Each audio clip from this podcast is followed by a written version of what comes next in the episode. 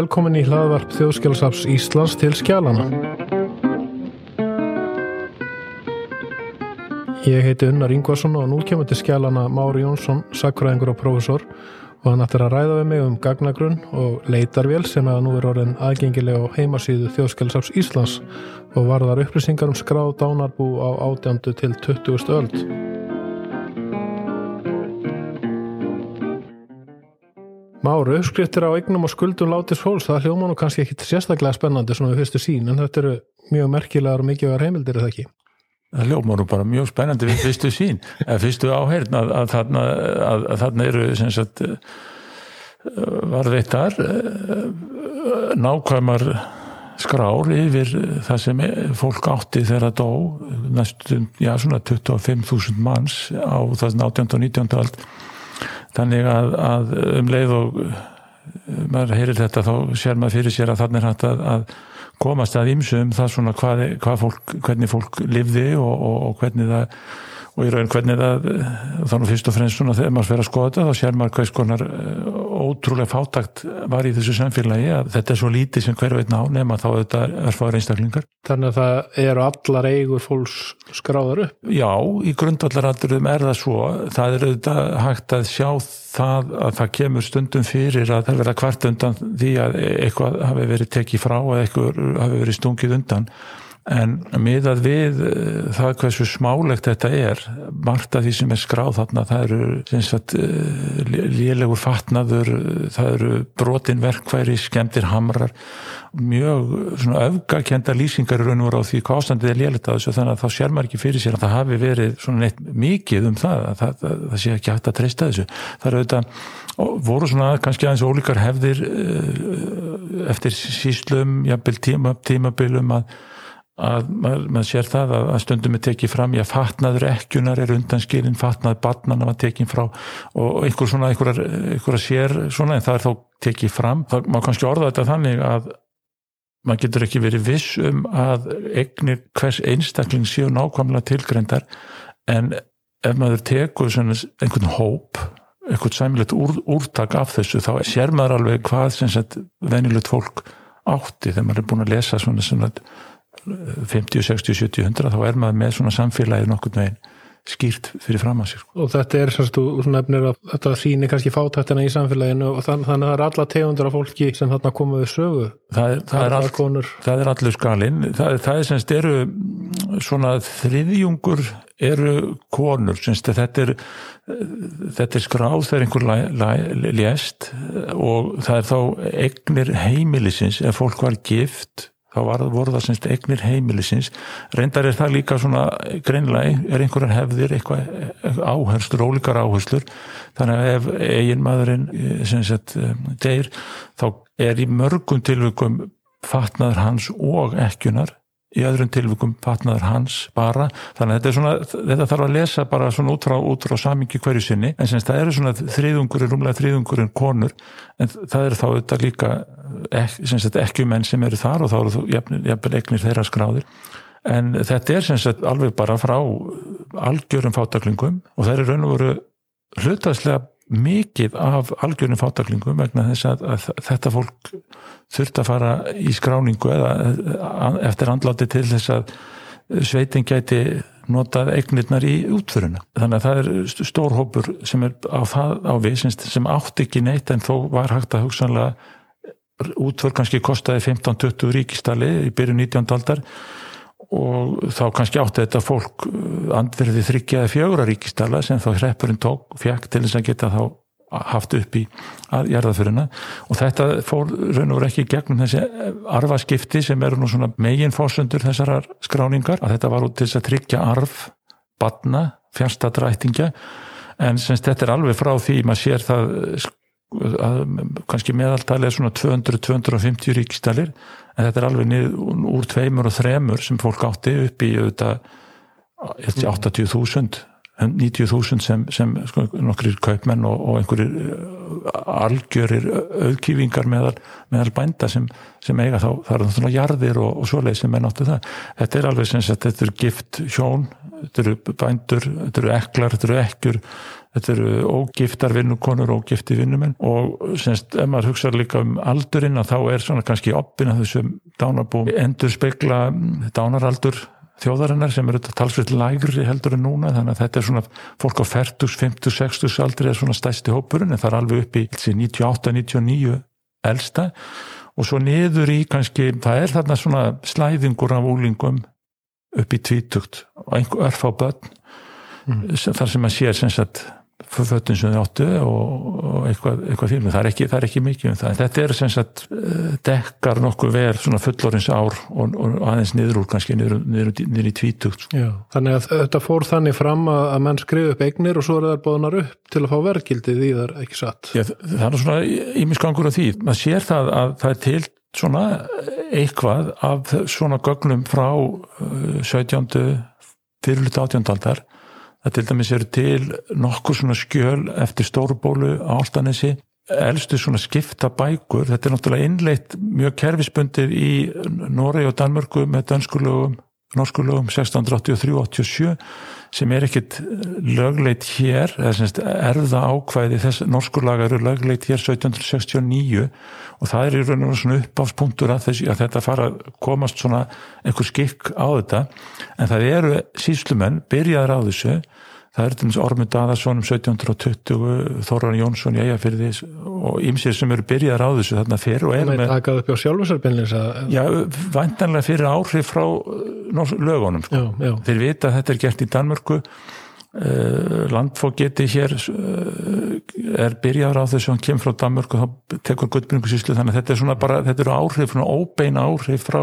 lögunum. Þetta hafði verið gert áður, það eru til svona skipt eftir biskup átt svona fítni menn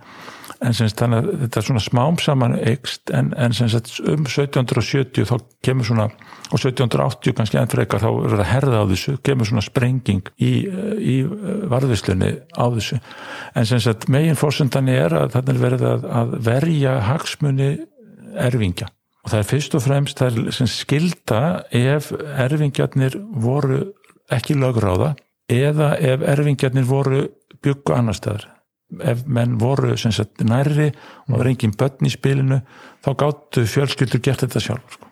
bara... Já þannig að það er auðvitað bara hlutvall af dánarbúum sem fara þennan veg. Já, lagformlega er þetta semst, þessi skilirði þannig að mér reiknast til svona mjög óljóst að, að það kannski svona þriðji fjórði hver þriðji hver fullorðin einstaklingur þegar mest er af þessu svona miða 19. sem fer inn í mm. gegnum þetta kerfi hinnir eru sem það sem kallaðist frændaskipti þau gögn eru mjög þau eru lítið af þeim varfið það er eitthvað, mm. einhver slæfingur af, í brefum síslumanna en það er mjög lítið en sem sagt þannig að þetta eru þetta ekki svona, þetta er ekki sem sagt um, óháð þýði, þetta er sem sagt kerfisbundið úrtak, breytin er það mikil að þetta endur spekla þjóðina algjörlega sko. það er eitthvað 2500 svona upplýsingar dánabú frá eða skipti frá setnilutas átjóndaldar en síðan sem sagt eikst þetta smám saman og svona gullöld þessa fyrirbæris eru svona frá 1820 til 1870 þá er bara mjög mikið úr öllum síslum landsins mjög svona hvað breytt úrval af þessu Þetta er varfist eða hvað? Mér, mér, mér sýnist það, þetta er í síslu skjálasöfnum fyrst og fremst og þetta eru sem sagt þetta eru sem skiptabækur eru sem einhvers konar undirstöðu gagna sem síslumæður sem sagt skráir stundum allt ánabúið eða þá bara niðurstöðu tölur og síðan þá hvað, hver erfingja á að fá það eru upplýsingar um erfingjana og síðan er bara uppgjör. Þess að fá 70 ríkstæli, þess að fá 70 ríkstæli skuldurnar að tekna frá og þannig að þetta er svona einhver ákveðin reikning kunst og þetta er þá hugsunin þá að erfingin hefur aðgang á þessari tölu það er einhver sem þá þá að passa upp á það. Nú varandi verðmatið að þá er það greinilegt að það er bara okkur verðtilfinning í samfélaginu. Það er sem sagt repstjóri hefur þetta verkefni. Síslumæður felur repstjóra þetta verkefni. Að meta þetta og hann fær með sér matsmann, þetta er yfirlega tveir kallar sem gera þetta, kom á heimilið. Stundum með síslumæður, sumi síslumæður bara voru, hefði áhugað þessu eða fannst þetta bara það er ekki skemmtilegt, gerðu þetta og líka semst ef það var mikill peningur þá er mjög algengt að síslumæðurinn er mættur því að það er þetta ábyrðin meiri Þá í uppskriftin og matinu Já, í öllu sem bara alveg frá byrjun sko. og, og um leið og andlátið tilkynnt þá semst átt að fara þá er semst niðurst á að skipta mm -hmm. eða getur þau skipt sjálf þá er annarkot fyrir síslu maðurinn en oftast þó skrifa hreppstjóra og segir nú þarf að gera þetta og þá fær hann með sér og það er það, verðist, það er bara ákveðin tilfinning bara í landinu hvað hlutur þetta kostuð og það, maður sér ekki neitt landsluta mun þannig að maður, er svona aðeins bara rétt svona kíkt hvað það eru þetta eru sömu uppæðir fyrir sömu hluti sko allstaðar en í sömu tilfellinu voru síðan bóðinir upp hlutinni já svo fer það, sagt, það gert það fyrir því í norskur lögum að, að, að það sé bóðið upp og það er svona greinlegt að svona eftir aldamótum 1800 frekar þá fer þetta sem Magnús Ketilsson segir hérna 1772 þegar hann, hann þýtti þessi erðarlög og gaf út í sérstökum bæklingi í Rapsei að þetta er náttúrulega mikilvægt verkværi þá, tekur hann fram í skýringum upp og þeir eru sjálfgæf hér á landi mm. og þau eru auðvitað til en það er þá freka eftir mjög ríkt fólk en sem sagt það er svona upp á 1810-20 þá fara upp og sem sagt að verða algengari mest fyrst svona í þjættbíli Agurir í Reykjavík það sem er einhver mannskapur en síðan verður þetta alltaf algengar og algengar og það er þá bara uppbóð á, á kirkjustöðum og repstingum mm. og þá er bara selt og þá sér maður og það er þetta mjög spennandi rannsóknarefni að það sér maður annars verður matsverði og síðan söluverði og það er þetta það, þetta er einhver spurningum verðbólgu og alls konar svona en það er þá hægt að bera saman Eh, eitthvað markasverð og eitthvað, matsverð. Og eina sem ég beinlýst ekki eftir er að, að, að sængur dýnur fara ofta á talsveit hærra verði og þá getur maður að hugsa þetta þarna er eitthvað skortur og þarna er eftir svont vara. Og þannig að það er svona í þessum gagnagrunni þetta ánabúa sem safnir komið með í vörslu og, og, og miðlun að, að þá er hægt að sjá sem sagt gögnin, það er ekki sem sagt farið nákvæmlega í mun á verði og svona það er bara einu uppað þar gefin upp, en annars er þetta bara orðið alltaf flókið og það er þá sem sagt upphæð eftir skuldir sem það er svo upphæð sem kom til, til skipta sem kom til arfs. Svo verður bara fólk að fara í gögninu en það þá, kemur þá fram er til uppbóð, er til dánabú Já. er til skipti þannig að þá er bara að skoða þessar, þessar skrár sem eru auðvitað frá 10-15 atriðum upp í kannski 400-500 sko. Já, það er svolítið skemmtilegur hérna, þessu uppbörð er alveg skemmtileg sko kannski blómatími er að kannski í byrjun 20. aldar eða eitthvað slíkt þegar mann er, að bjóða upp endalstegnir fólk sem er að flytja millir bæja sem er, er síðan annar, annar handlegur allt annar en, mm. en verður kannski eitt tónstunda gaman fólks að fara á upp og það er aksjónir sko, þegar, þegar að velætu þegar ef, ef uppbóðsmahaldar eru virkilega að vanda sig þá taka þið fram hvað voru margir sem komu sko. Já, en ég hef líka séð enginn kom Þóra Gunnlaugsdóttir eh, alltaf að selja eitthvað af eignu sínum til þess að styrkja Svonsen Jón Dóruðsen til náms að senda hún peninga. Kom engin kom engin, er það svona bílskúrsala já, þannig að það getur verið. Svo stundum sko, kannski tek, tekið fram í fámunni sveit kannski 30-40 komni sko, þannig að það er, það er svona það er mikið að, að mm. spá í, í, í þessu luti sko, já, já. þannig að þetta er hérna svona bara hugsa maður sko af hverju þetta verður gert, þú nefnir að þetta hluti af, kemur til vegna uh, hugmynda elendis frá norskulaga, myndur segja þetta verður dæmi um svona aukna miðstýringu ríkisvalds hafa meiri stjórn á hlutunum eða var þetta bara svona þjónustu hérna, uh, þjónustu við almenning að gera þetta almennilega? Ég, er, ég ætla þetta sín ekki freka svona sko einhvers konar örgis gæsla að, að þetta var greinlega til hérna, sko Jónsbók 1281 gerir ráð fyrir sagt, einhverja aðferð við arfaskipti til þess að, að þetta auðvitað, hefur allatíð verið auðvitað viðkvæmt mála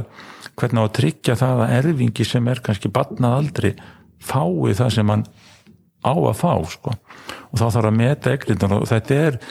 aðferðafræðin er líst í Jónsbók en þá, það, hún er bara auðvitað tekinn saman áður en var farið að halda svona bækur og það er fyrst í Danmörku það sem eru sambarlega lög frá miðaldum í lok 16. aldar sem er, menn byrja á því að, að skrá svona niður. Og síðan er það bara magnastæði í Danmörku og Norri og líki Svíþjóð, þetta er ennþá rosalegri Svíþjóð, skráningi ennþá nákvæmar og, og virkar í þar. Að eh, svo er þetta bara að gera þetta svona lögformlegu ferli. Já, þetta er náttúrulega helst í hendur við vaksandi afskipti ríkisvalds og svona en ég, svona eins og, og rauksemdirnar eru og þetta raukstu ríki aldrei neitt að það sé verið að skipta sér meira þetta er bara í þáu, þáu barna og þáu erfingja eða eru í burtu. Þetta er einhver leiti sko um 1840 þá er herrt til dæmis á því hvernig hver er ég að passa upp á krakkana sko myndugir sko, og myndugra það eru til núna í safninu sko, bækur um, um, um skrári við sko, hver er formyndarinn, hver á að passa upp á batni, hvað átti batni og hvernig er eignunum rástafað á milli ára og svona. Þannig að þetta er svona smám saman bara verið að tryggja, ég held að þetta er svona fyrst og fremst hugsunni sko verið að tryggja réttindi. Þannig að þarna var ekki búið að finna berða hjá skattin eða hvað? Jú, það er skattur að þessu, mikið lóskop Það, það af... geti líka verið þá Já, já, en kongurinn tekur þarna ákveðna prósundur af arfi yfir hundrað að því loka átjandaldar, það er greittu kostnað, rutaskiptónu með semst kostnað til matsmanna, þeir fengu einhvern auður fyrir þetta og svo framvegið sko, en hvað þetta er svo notað, það er þetta svona, svona, svona skrítið að hugsa um það að maður, það er mjög lítið um deilu, það eru auðvitað til arfadeilur, það eru til ágrungsefni mm. en svona tilfinningin er að þetta hafi nú gengi bara nokkuð vel sko, þetta er okkur tröst þarna, en þetta er, þetta er skráð en það er ekkit oft sem að sé sko að þurfa að vera að fletta einhverju upp eða, eða fara að skoða eitthvað betur sko, það var sjálfsagt orðið einhverjar einhverju yfirildi einhver tíma því að það geta gott kannski liðið 12-14 ár einhverju með falið að, að fara með sjóðinn sem að til dæmis fyrir ólögróða batna já, það er einhverju upphæð þarna það var einhverju sem, sem á að skila á einhverjum ákveðnu tíma já, allir... svo sem tók batna að sér síslumanni var kannski falið ef einstaklingu dó í skagafyrðu og erfingin var vitanlega á rauvarhöfn mm. þá þurfti að skrifa og það eru til svolítið svona brefaskipti þá voru að tilkynna semst að þarna er einhver peningur. Og svo er þetta í þessu samfélagi hvernig það var breyta sem sagt fatnaði í eitthvað annað. Og það er það bara síslumæður sem ber ábyrða því alveg eins og hann þurft að taka á móti fiski og vettlingum til að geta borga konginum. Að þá, sem þetta er bara einhver aðferðafræði sem svona rétt glittir í. Maður mm. mættu auðvitað reyna að skilja betur sem hvernig verða að færa þetta á millin, þetta skilda síslumanns og nú það gætu auðvitað gerst að, að maður sér það að síslumæður stundum eru nána skjaldróta og þá eru bara langi listar yfir einhver, einhver, einhver bú sem þeir hafa ekki gert upp sko. já, já. og þeir eru þá bara með peningana kannski tveggja, þryggjára bú og einhverju mistu ennbætt út af vanræðslu sko. þannig að þetta er, þetta er svona okkur kerfi sem svona í grundallarætturum virist að bara gengi nokkuð snirtilega fyrir sig en það eru auðvitað nökrar. Svona verða til þessi embættismennska menn hafa eftirlit með síslmennunum líka að fylgjast með? Já, já, sko þeir átt að gera árlega skiptaskíslu frá svona minnst okkur 1820 gjálum með þá hreinu hvernig það byrjaði? Því ég veit nú ekki ákvæðan að vera ekki eldast við þær vegna sem þær eru þar. þær eru mjög drefðar líka um safni og meðan að sístu skjál safni er svona frekar samstætt Talandum um þessar heimi, þetta lítur að gríða allt magna af heimildum, miklu skjala bungar Ég held að þetta séu hvað, ég var, hvað upp í 900 kassar og bækur sem, sem uh, hafa verið aðtugaðar út af þessu já. Og þú er náttúrulega ekki verið alveg einn í þessu það hafa verið fleiri með þér? Nei, ekki alveg, það, ég hef svona aðeins feng, verið nokkri svona stúdenta sem hafa hjálp mér nokkru mánuði og, og, og fræðið með svona hafa aðeins lagt mig lið en, en ég er svona, ég skilur mest að þessu en þetta er, þetta er náttúrulega þetta er ekki ekki kannski skemmtilegt en það venst tók, það tók mér nú í byrjuð á þessu fyrst sko 2009 þá sem sagt var mm, hérna Karl Aspel út með einhverja fyrirspurn um fatnað og hvort einhverju verið ansaka það og, og ég sá það og hugsa já, nei það var engin ansaka það en það rámaði í þessar þessi gagg sem ég hafði aldrei skoðað áður og kíkta eins í nokkur og sá að þetta var auðvitað feikilur efni viður sem ég held að hann hafi svo eitthvað nýtt sér en en þá hvernig fekk ég þessa hugmynd að minnst ég byrjaði, byrjaði á því að telja þetta bara laus taldir upp úr skiptabókunum og fekk, komst að þeirri niðurstu þetta væri, væri kannski svona 25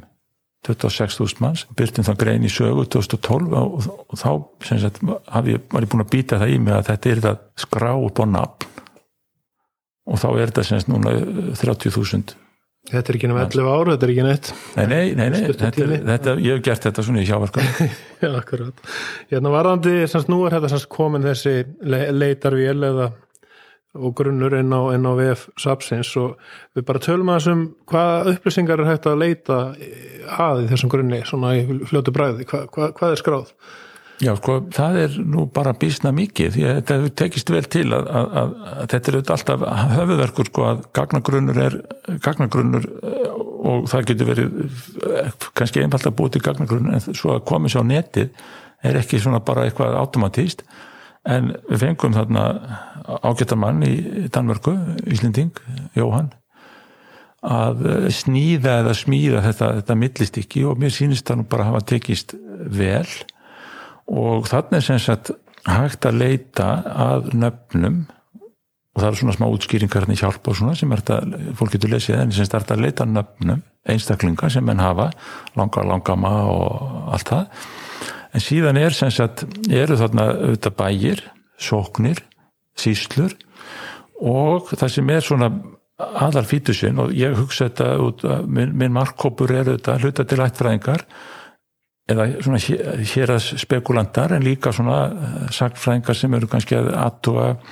einhver stærri viðfangsefni þá er hægt að fara þannig til dæmis í eignaskiptinguna búið til einhver svona þeir sem eiga frá 0 upp í 100 og búið til einhver svona eða þeir sem eru opbósla ríkir og, og svo framvegis. Og líka þá aldurskiptinguna því að það, við lögðum ég lagði mikla vinn í það að, að, að það er semst bara upplýsingar um andlátið mm. í þessum skiptagögnum en það sem mér fannst svo þurfa að gera var að hvert að fólk gamalt Já. því það er auðvitað líkil breyta í þessu samfélagi mm. og þá sem sagt var bara leitað á, á Íslandingabók aftur að baka áfram það vantar nú 10% það eru minnst yfir 25.000 sem hafa upplýsingar um aldur þannig að þá er þetta að leita semst í aldrinum og finna semst alla sem eru á 70 aldri og alla sem eru og svo fremins og fremins og það er semst Þannig að það er trygging fyrir líka öllum afkomendum viðkomandi manns, það er ólíklegt annað en allir sé, allar sé geti sem vitað er um þar sé, Já, það er nú ofta, það er nú stundum að það er ekki alveg sambarlegar upplýsingar, stundum er eitthvað meira í skiptabóku, stundum er eitthvað meira í íslingabóku, ég fór nú ekki út í það. Það eru svona, náttúrulega í skiptabókunum eru upplýsingar um erfingja. Stundum er þetta tvær blaðsjöður af einhverjum frændum og frængum. En oftast bara börnin eða þá batnabötnin nú, það, er upplýsingar eru ekki það, ég skráði þær ekki það hefur bara orðið fólk getur náttúrulega séð þar að að það er búið að mynda bækurna já, sjálfar þannig að þeir sem að treysta sig til þetta lesið. Já það er náttúrulega fyrir um fórsenda fyrir því að hafa, sína þessu áhuga er að geta lesið þessu skrift en það er auðvitað bara eitthvað sem venst og, og, og getur auðvitað verið misjant en þannig að þessar upplýsingar eru þarna og það er hægt að leita sagt, eftir tímabilum, það er datu ákveðna síslu á fjórða áratug, 19. aldar og svona, það er svona ymsir fítus sem er mm. leifa þá einhverja svona ekki bara ættræði heldur þó hún sé náttúrulega eða heldur að fara svona út í einhverja svona aldursbundna rannsóknir eða tekibundna rannsóknir og, og Þannig að ég get hans fundið öll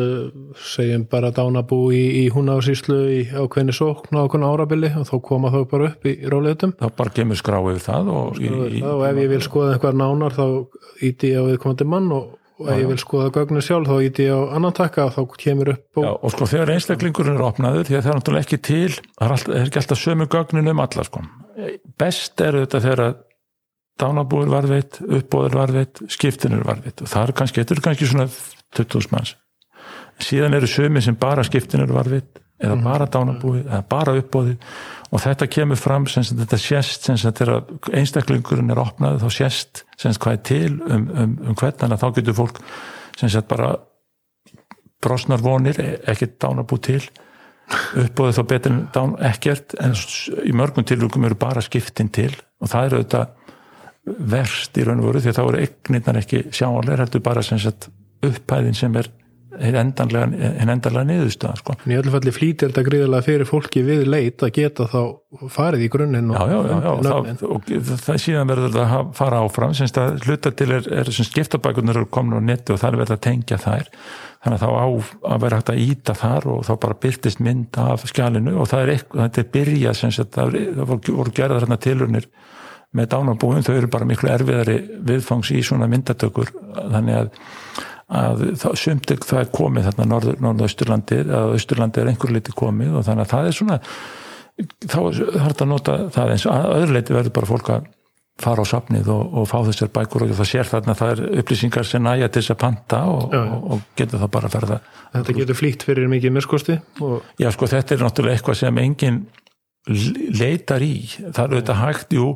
Ég veit um einstakling eh, sem dó í, hún á síslu 10. janúar 1847,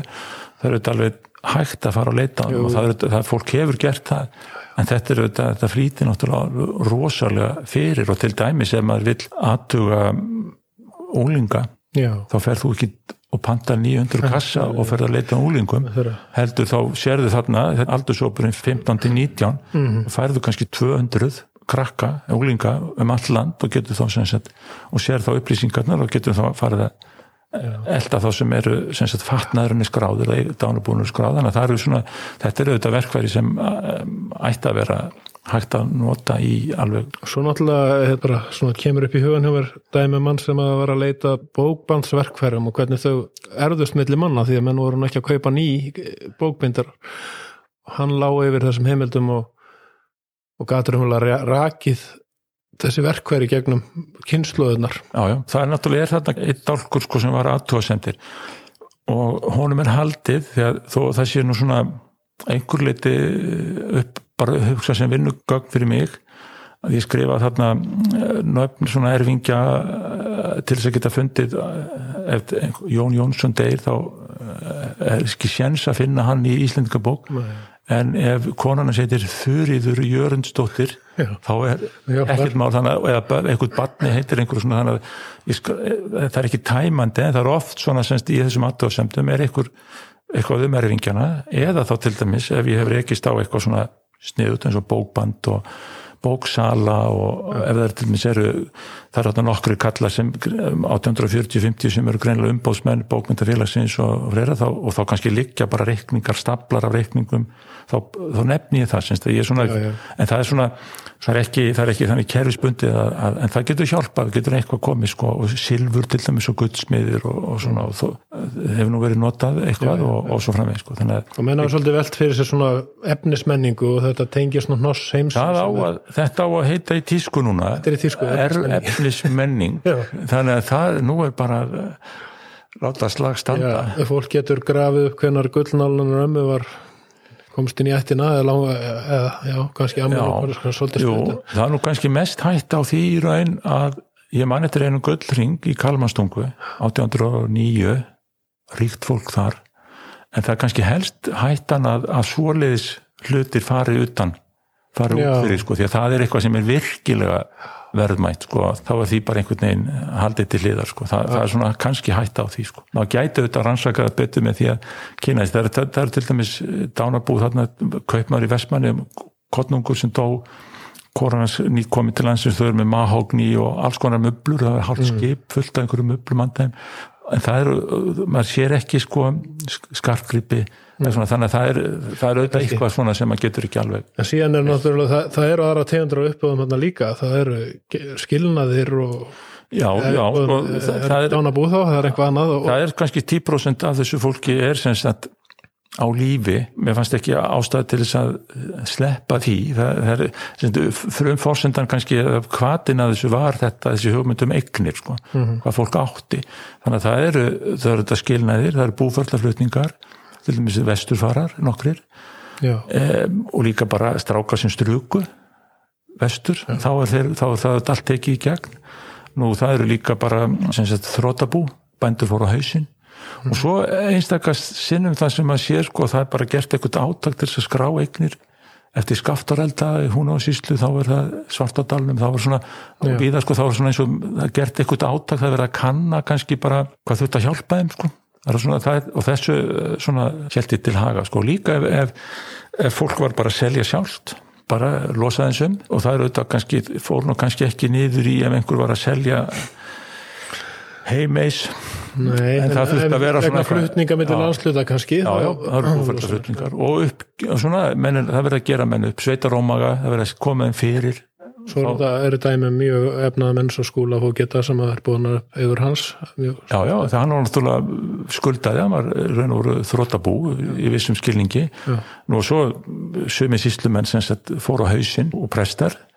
og þannig að það, þetta er svona, þetta er slatt af þessu líka. Mm. En í uppáðsbókunum eru þetta einhverju sleft, reka, smjör, hmm. Skipströnd og svona, þar sett ég mörg, þetta er auðvitað ekki nei, það er maður, maður þarf, að einhvern veginn að velja semst að allt sem er svona fólk, venut fólk eða bara einstaklingar sem er að maður sér einhverju eignalýsingar þá svona var því, var því haldið sko. Við erum búin að svona tæpa á það kannski nótkuna möguleikan á þessum ágjöta grunni. Við höfum nefnt ættfræðinga og ímsa það er þetta með að að hafa nafn á einhverju manni í Íslendingabók en vita raunveruleg ekkert um hann en þarna getur við fengið kjöt á beinin virkilega já, já, já, já, já, það hafa nú ymsir svona, það hafa handritafræðingar haft samband við með að vera að spyrja um svona einhverja kalla. Sömur eru til eins og maður segir semst er hérna einhverju upplýsingar um og þá ef það er hefni með í för þá er eitthvað svona gagn og þá er þetta að sjá bókaegn og glemum að nefna það að það er bókaegn mm. heimilana mjög nákvæmlega tilgreint og, í raun og veru betur heldur en í, í sóknarmannatölum sem hafa nú líka verið notu því að í sóknarmannatölum prestana þá er bara ætlast til þess að hann skráði sem sagt guðsvorðabækurna vegna þess að hugmyndum að svo hvað var á heimilinu til þess að ala börnin upp í réttri guðstrú? Síðan á sama heimili verið uh, Jónsbók eða Alli eða einhverja svona verallega bækur fróðlegsrið sem prestarnir átti ekki að skrá. Þannig að þarna eru fyllir upplýsingar sem auðvitað Solún Jensdóttir notaði á sín tíma. En það, svona, það er einhver reyfingi þá átt að, að, að meta þetta mm. nota það, þetta um, um svona menningar ástand og, og fleira sko. Þannig gefst á fólki tækifæri til, a, til að skoða grunninn og um, hugsa sér nótkunum og ölgana líka því að kannski er þeirra ótæmand og miklu fleiri en þér þetta Já, já, en sko, þröskuldurinn er náttúrulega sá að þetta er, þetta er handskrifað og, og ég hef nú gefið út svona bara sínisotn í nokkrum bókum svona eitt og eitt í Vestmanni, Grindavík og uppsettir borgarferðar og, og eina svona, svona sínisotna á öllu landinu fyrir 1820 en það er kannski 200 af 25.000 sko. En það væri þetta að gefa 10.000 spinda röð. Raun, eða minnst 5.000 spinda röð með þessum þessum er náttúrulega svo rosalega stóri þetta er náttúrulega fyrirrafna samt að nota þessi gögn en, en það að geta gengið svona nokkuð þeim beint að þeim ætti nú að létta lund, lund hins verðandi eða, eða áhuga sama um þetta og svo er bara að setja undir þessu hausin og, og venjast þessari skrift. Já, ég veldi svolítið fyrir mig bara nú er svona, við erum öskusti báður þegar aldrei við munum þann tíma að tölvan kom til sögunar og núna erum við farin að vinna í gagnagrunnum og byggja upp nýja þekkinga sem við leitum með að samena heimildir. Þessi, þessi bylting, hver, hverju mun hún breyta fyrir sakfræðinga til dæmis? Ég, ég veit það nú ekki sko, eh, já, kannski, jú, hún náttúrulega hún, hún auðveldar bara alveg eins og stafræn myndataka hefur auðvitað gjörbilt vinnaðstöðu sem maður þarf ekki bara að sitta á sapnum maður getur líka unni á kvöldinu og nóttinu og helgar og sumrin og alltaf bara á útlöndum. maður getur lengt vinnutíma. Þetta verður skilvirkar, maður kemur meira, meira í verk. En svo líka þetta með að þú veist þá hvað er búið að gera. Þú ert ekki alltaf að elda Já, já, já. Ef menn hafi ekki sagt, þá, þá hérna, gefið þetta út á bók. Jú, jú, þetta, þetta gerir náttúrulega allt fljóðlega. Það eru nokkri sem, sem hafa notað þessi gögn. Það er pínlítið í sögur Reykjavíkur, pínlítið í sögur Ægirabakka, pínlítið í sögur Akureyrar. En þá sér maður alveg að því ég þekki þessi gögn mjög verið. Þá hafa með svona opna eitt pakka og svona kíkt og mm. þá hefur þetta getið notað og þetta getið notað. En það er ekkert svona, það er engin, engar útæktir sko. En þetta veitir það færa á því að geta sem sagt gengið svona almennilega til verks og virkilega tekið fyrir sem sagt eh, skagafjörð fyrirluta 19. aldar og reyndað, ef maður til dæmis alltaf skrifa æfisugu Jóns Espolíns og vilja skilja fjörðin þá geta þeir séð þetta samfélag algjörlega bara, eða Gunnlaug Brím í, í, í eigafyrðinum og þarna er þetta samfélag alveg já, gríðarlegar upplýsingar til, til skilnings á, á þessu fólki sem var þarna á þessum, þessum svæðum sko. og maður svona veit það þessar líðfræðilegu upplýsingar sem að er því félagssögulega að þeirna, þú hefur mantöl, þú hefur já, já. þú veist hvaða margir búa á hverjum stað nákvæmlega veginn á hverju ári lengi vel og þarna hefur, kemur eitt, eitt hluti viðbúti í þetta púsl mörguleiti. Þetta er alveg, ég held að þessi, þessi stafræna er náttúrulega algjörlega 100% framfæri sko, það er alveg frábært en menn meg að þetta ekki gleyma því að það mikilvægast er að lesa skjölin og en þetta veitir aðganga með auðveldar aðgangaðum og þannig að það, það ætti að vera hægt að gera miklu meira og merkilegra heldur en hægt var sko. Já, og núna er þessi hluti komin á vefin og, og hérna vonandi verður verða margir til þess að nýta sér þessar merkilega heimildir þær eru aðgengir aðeins á vefsapsins dánarbú.skjálasar.is og þið telli þetta fólk og sendi mig lista hvað eru lengi. Hvað er liggja lengi á vefnum, já, við getum nú gert það kannski, eða, eða má. En hérna, og síðan er hægt að nálgast þetta inn á heimildi.is og, slóðin á vefin og það er hægt að fá ýmsar upplýsingar líka þar um, um ja, greinar sem hafa verið skrifaður og ýmislegt varandi já, já, það komið svolítið svona hjálparefni og, og það ætti að, og svo bara já, já, ég vonar það best að einhverjum finnist þetta, mér sko, segir fólk það við mig hefur gert. Ekki lífur, ekki lífur almanna rómur Nei, og svo er bara að sjá hvað eh, þjóðfræðingar, forleðafræðingar sagnfræðingar, ættfræðingar sveita, sögufræðingar og allt þetta fólk eh, hvernig það bregst við. Ljómandi gott, takk fyrir Máru Jónsson